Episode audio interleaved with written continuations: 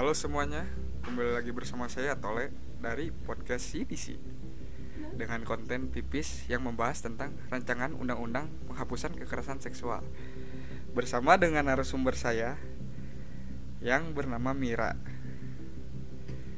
Mira adalah seorang perempuan yang aktif di salah satu kolektif perempuan yang mengangkat isu perempuan dan memperjuangkan hak-hak perempuan. Dia adalah teman saya dalam bertukar pikiran dan salah satu orang yang mempengaruhi perubahan pola pikir saya. Di konten pipis ini, Mira akan berbagi tentang hal-hal di sekitar dalam kehidupan sehari-hari yang menindas perempuan. Entah itu masih dianggap sepele oleh orang-orang atau isu lainnya yang menindas perempuan.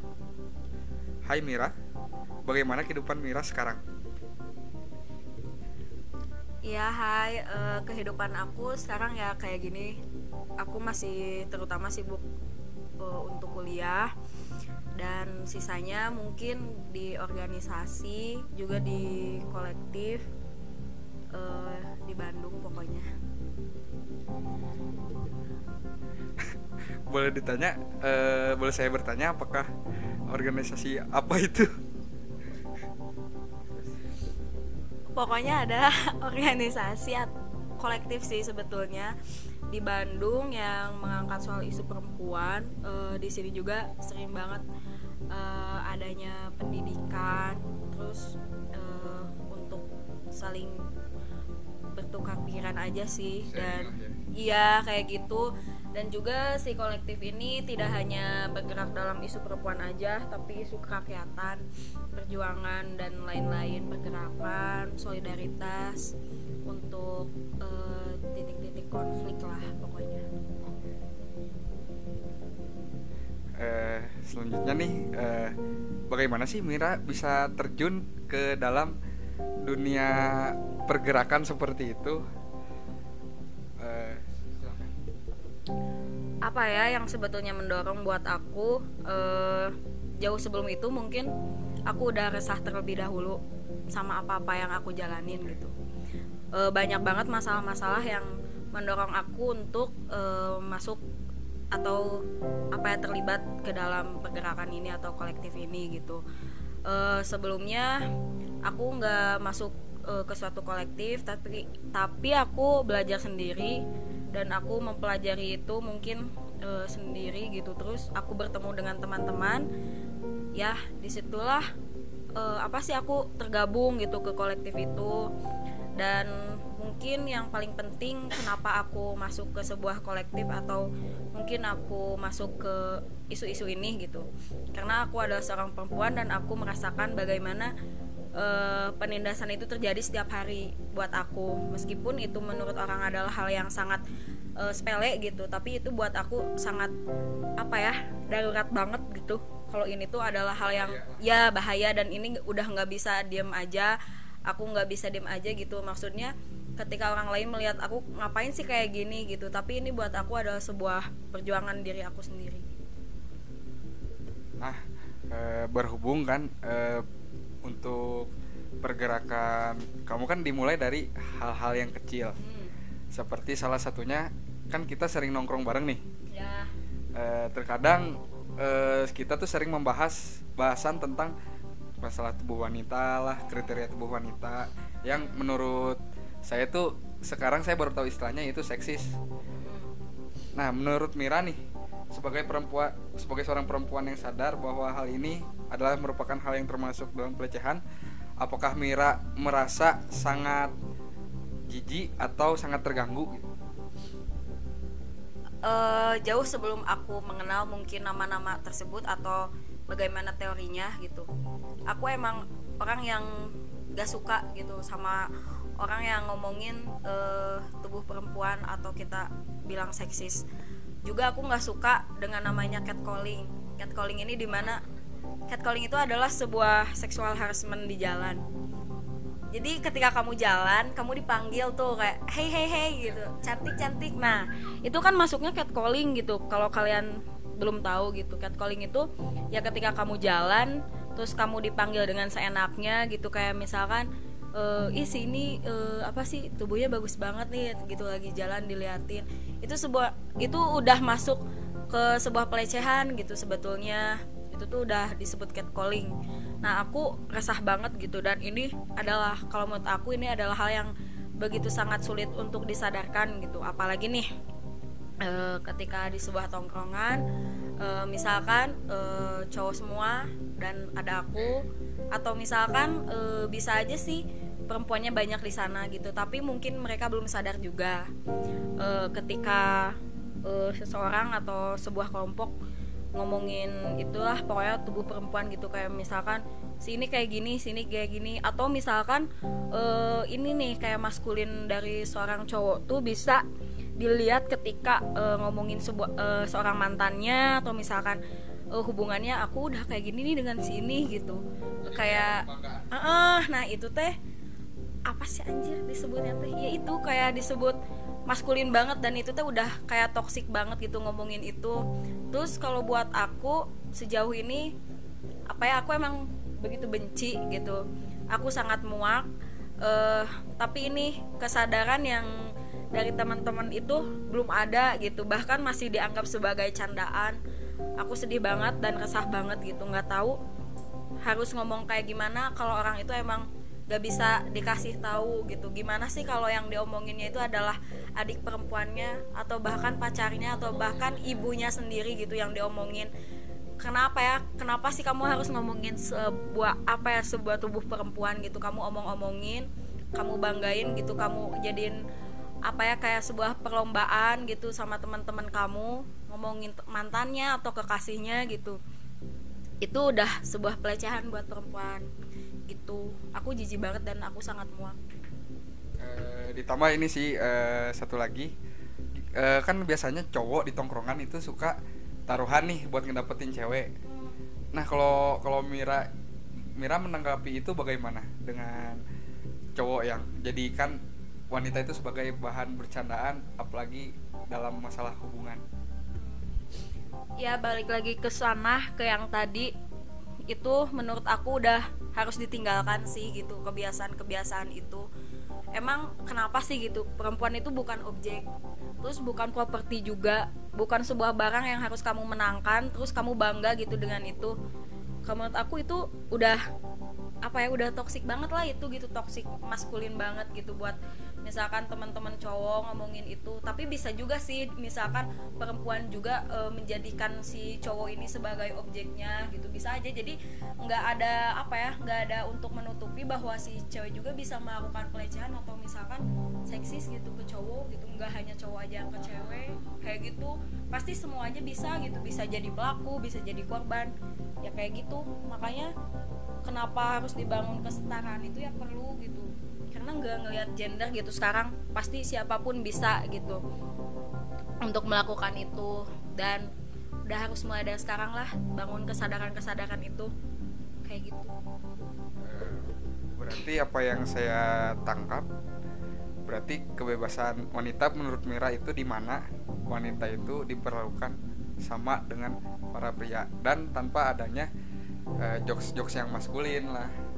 Yang seksis. Iya yang seksis terutama. Nah selanjutnya ini kan ini isu dibilang isu baru sudah sebulan lah ya tentang uh, rumusan undang-undang eh, PKS itu apa sih? Boleh tahu. RUU PKS itu adalah rancangan undang-undang penghapusan kekerasan seksual. Ya terus gimana? Terus ini poin-poin yang toleh tangkap nih. Yang pertama adalah mengatur tentang pelecehan seksual, terus yang kedua eksploitasi seksual, pemaksaan kontrasepsi, pemaksaan aborsi, pemerkosaan, pemaksaan perkawinan, pemaksaan pelacuran, perbudakan seksual atau penyiksaan seksual. Apakah Mira setuju dengan isi konten tersebut? Apakah harus ada yang diubah lagi untuk untuk disempurnakan lagi atau yang ini saja sudah sudah cukup untuk menanggulangi adanya kekerasan seksual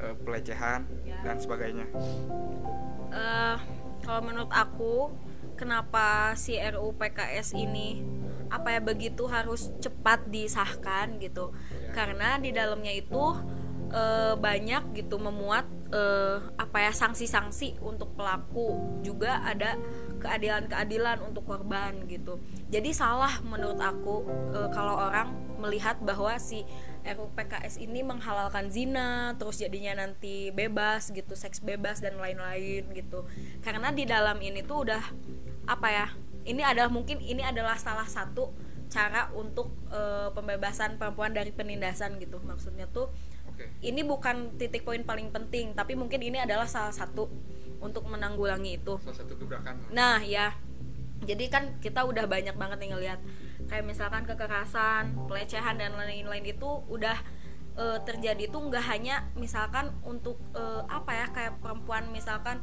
yang menurut orang tuh pakaiannya kayak gini kayak gini enggak kok gitu. Yang yang eh, berjilbab segimanapun dia bisa dapat itu gitu bisa dapat pelecehan itu gitu. Makanya kenapa eh, apa ya aku sangat sedih banget kalau ada orang yang bilang eh, kayak misalkan menyalahkan si korban nih kayak misalkan ya kamu sih keluar malam gitu ya kamu sih bajunya pendek atau Ya, apa berarti itu dengan itu menghilangkan hak kebebasan berpakaian. Nah perempuan. itu kenapa gitu harus ngelihat bahwa oh, si pakaiannya kayak gini, pakaiannya kayak gini, bukan gitu yang salah itu adalah otaknya si pelaku gitu.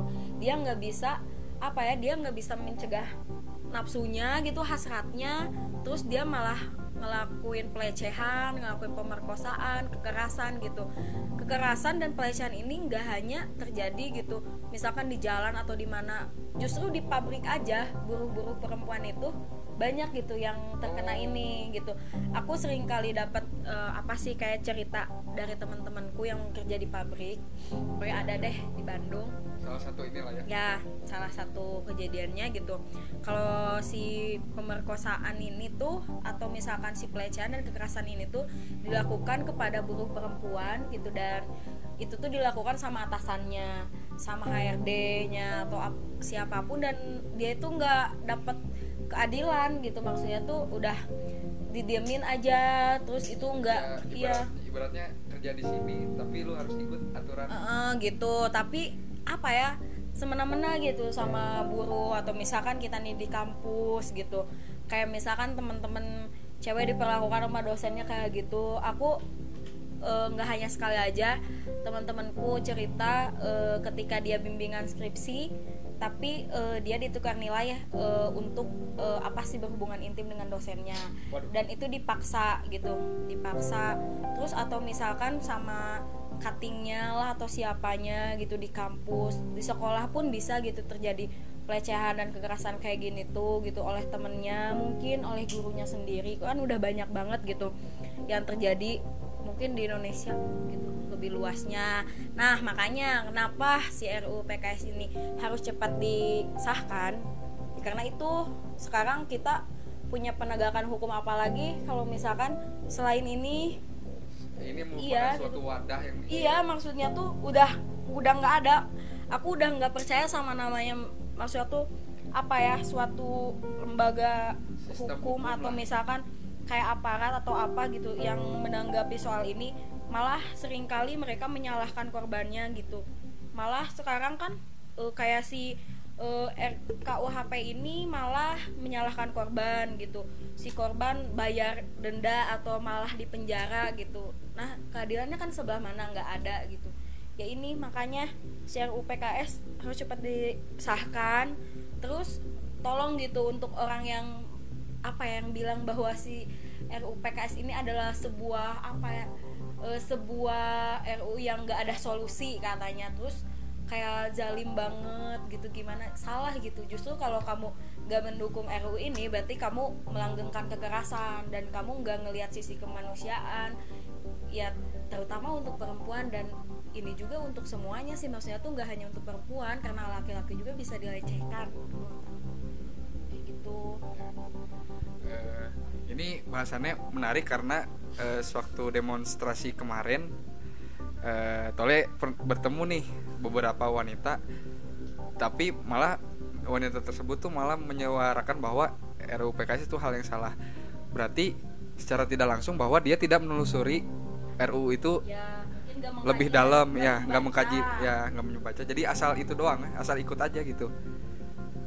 Eh, jadi sekarang bahasanya gini sih kenapa rata-rata orang yang ikut demonstrasi itu pengen kelihatan keren gitu menurut perspektif Mira ketika melihat orang seperti itu itu gimana? Kalau menurut aku sih entahlah itu kayak gimana ya maksudnya tuh demonstrasi untuk ajang eksistensi atau apa pun itu tapi kalau menurutku lebih baik demonstrasi itu kamu dibekali sebelumnya gitu. Apa sih yang ingin kamu perjuangkan? Kaji dulu lah ya. iya maksudnya tuh ketika kamu menolak sebuah RUU atau kamu ingin mengesahkan sebuah RUU kenapa sih kamu eh, menolak atau mendukung itu gitu? Kamu semata-mata mungkin gak hanya cukup turun ke jalan kamu berfoto-foto gitu. Terus kamu apa ya cuma ikut nongkrong atau apa atau ikut kerusuhannya doang gitu? Ngapain gitu kan tapi ya itu jauh dari itu gitu. Kamu harus melek dulu dengan sekitar apa sih yang terjadi gitu. Apa yang udah benar-benar kerasa sama kamu. Kalau emang kamu gak merasakan eh, ketertindasan di diri kamu mungkin kamu bisa ngelihat itu dari sekitar kamu tetangga kamu lah atau siapa pun itu gitu yang ngerasain ketertindasan gitu. Nggak hanya diri kamu doang. Karena ini tuh akan kerasa sama orang banyak nggak hanya kamu gitu. Kamu menurut aku sejauh ini kalau emang kamu udah sadar gitu siapa pun ya terus perjuangkan gitu. Jangan sampai kamu hanya cukup sampai di sana dan kamu belum apa-apa udah lelah gitu udah capek. Karena emang sekarang udah bisa dilihat eh, mungkin kita berbicara negara lebih jauhnya negara udah sangat menindas rakyatnya udah nggak bisa ngedengar rakyatnya dem- demokrasi udah dibungkam segala-segala udah nggak bisa diungkapin gitu kan. Nah maka dari itu mungkin e, kalau nggak dimulai dari kamunya yang sadar dulu emang siapa lagi gitu. Eh, selan- selanjutnya gini sih. Kalau RUU PKS disahkan ya eh, dan ternyata ada suatu hal yang kontradiktif dalam penanganan kasus yang terdapat di RUU tersebut. Apakah harus ada perombakan dan perlawanan dari para eh, lembaga yang menaungi korban tersebut?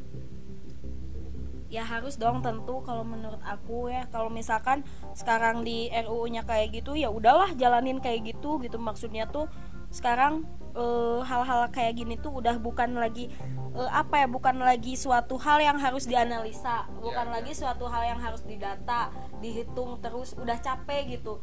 Semua korban atau eh, mungkin orang tuanya atau siapa pun udah capek gitu ngedenger apa sih sebuah kebijakan tapi ini nggak bijak ini nggak dilaksanakan gitu. Nah mau bernaung di mana lagi? Kalau misalkan keadilan tuh udah bener-bener gak ditegakkan gitu. Capek kan gitu maksudnya tuh kenapa sih harus kayak gini gitu.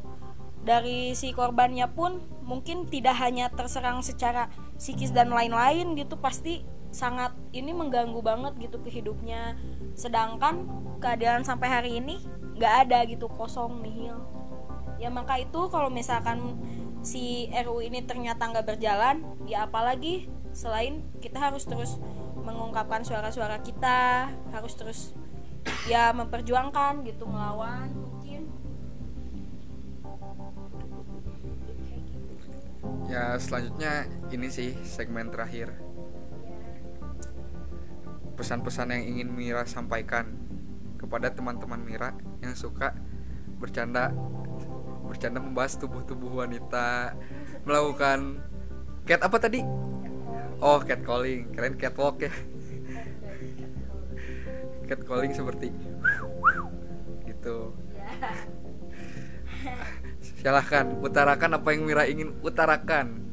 Eh, sebetulnya aku nggak ingin hanya mengutarakan tentang itu tapi lebih jauhnya lagi aku ingin berpesan sih untuk semua orang mungkin terutama perempuan. Eh, kalau menurut aku eh, aku ingin menyampaikan gitu apa ya eh, bangunlah kesadaran kalian gitu. Aku nggak mau gitu ini akan terus terjadi bahkan menjadi sebuah budaya gitu yang terus dilanggengkan di kehidupan ini gitu. Karena aku tahu gitu setiap hari itu bagi aku adalah sebuah perlawanan bahkan perjuangan gitu buat aku. Ini serius ini serius ya?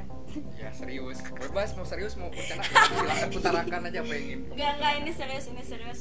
Aku nggak bercanda dan eh, ini benar-benar aku ingin ungkapin. Karena mungkin aku adalah orang yang uh, uh, apa ya banyak berteman dengan siapa pun.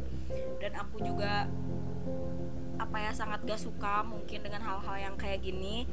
Aku cuma pengen teman-teman aku sadar gitu. Maksudku uh, dengan kesadaran ini teman-teman bisa mengurangi bahkan menghilangkan kebiasaan itu.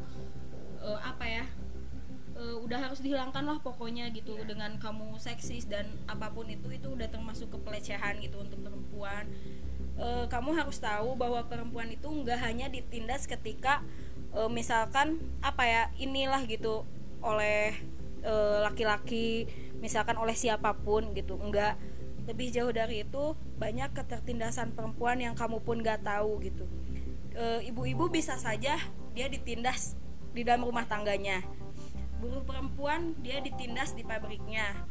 Terus kita pun sebagai mahasiswa kita ditindas gitu di kampus. Mungkin sama dosen sama siapa pun itu senior atau bahkan ketika kamu punya hubungan terus kamu ditindas sama pacarnya tapi kamu nggak sadar. Terus mungkin kita bisa lihat apa ya eh, di beberapa daerah di titik-titik konflik di titik perjuangan uh, apa sih perempuan bahkan ibu-ibu mereka nggak pernah menyerah gitu. Karena mereka mempertahankan ruang hidupnya. Contoh di Bandung ada Taman Sari. Ibu-ibunya anak-anaknya dan warganya mereka mempertahankan ruang hidupnya yang akan digusur oleh Pemkot.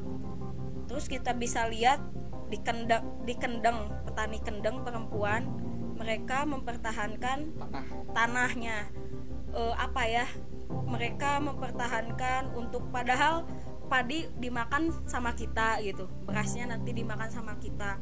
Malah dibikin pabrik nah, semen itu dibikin pabrik semen. Kita lihat sekarang yang sangat-sangat apa ya penting gitu buat semuanya melek adalah di Papua. Bagaimana ibu-ibu mereka dibunuh diperkosa dilecehkan itu sama siapa? Sama militernya Indonesia.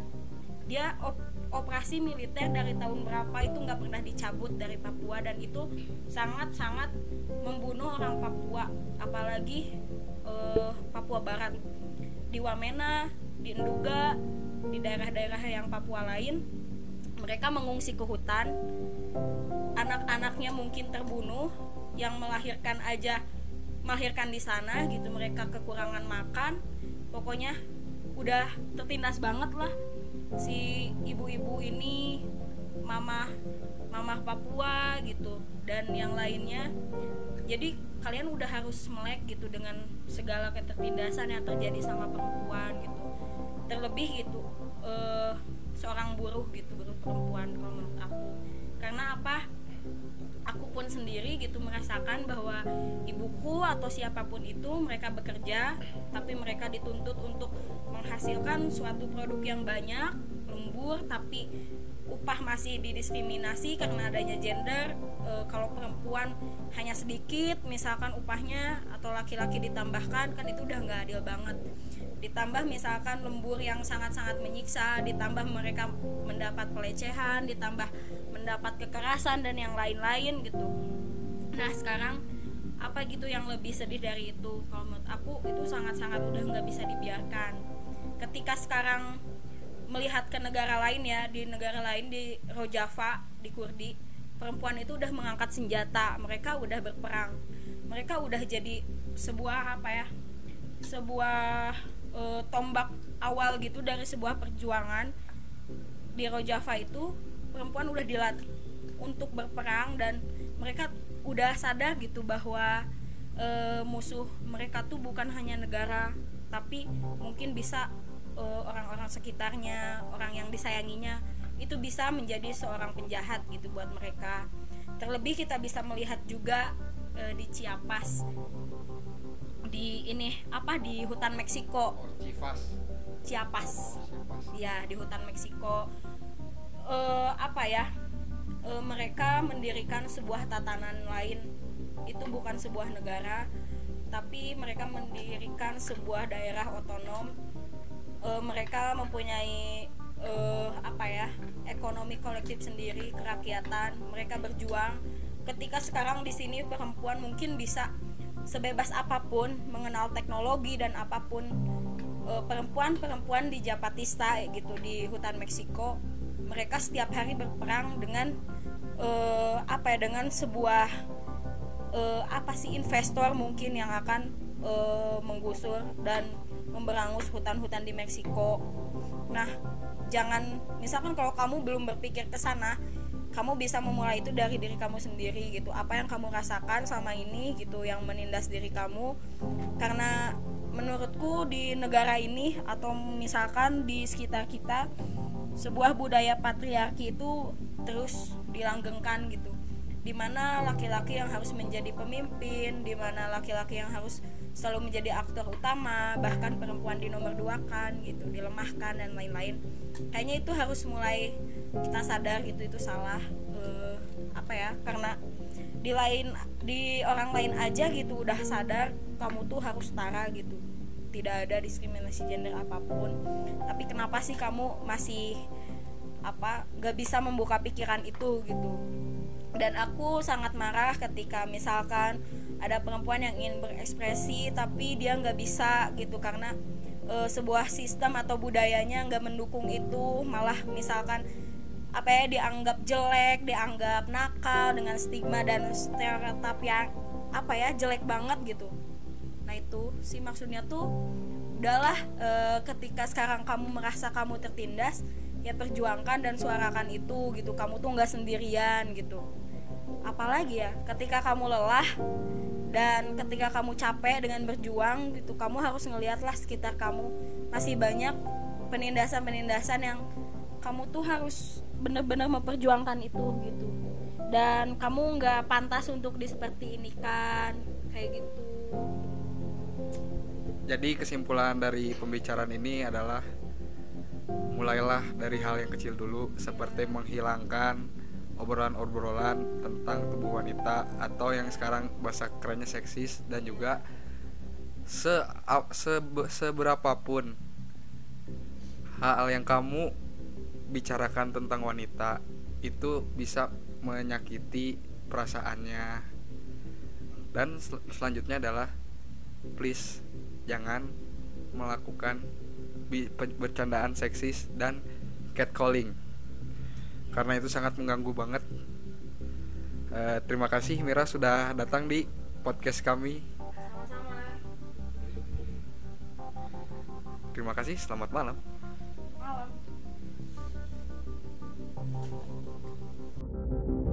Malam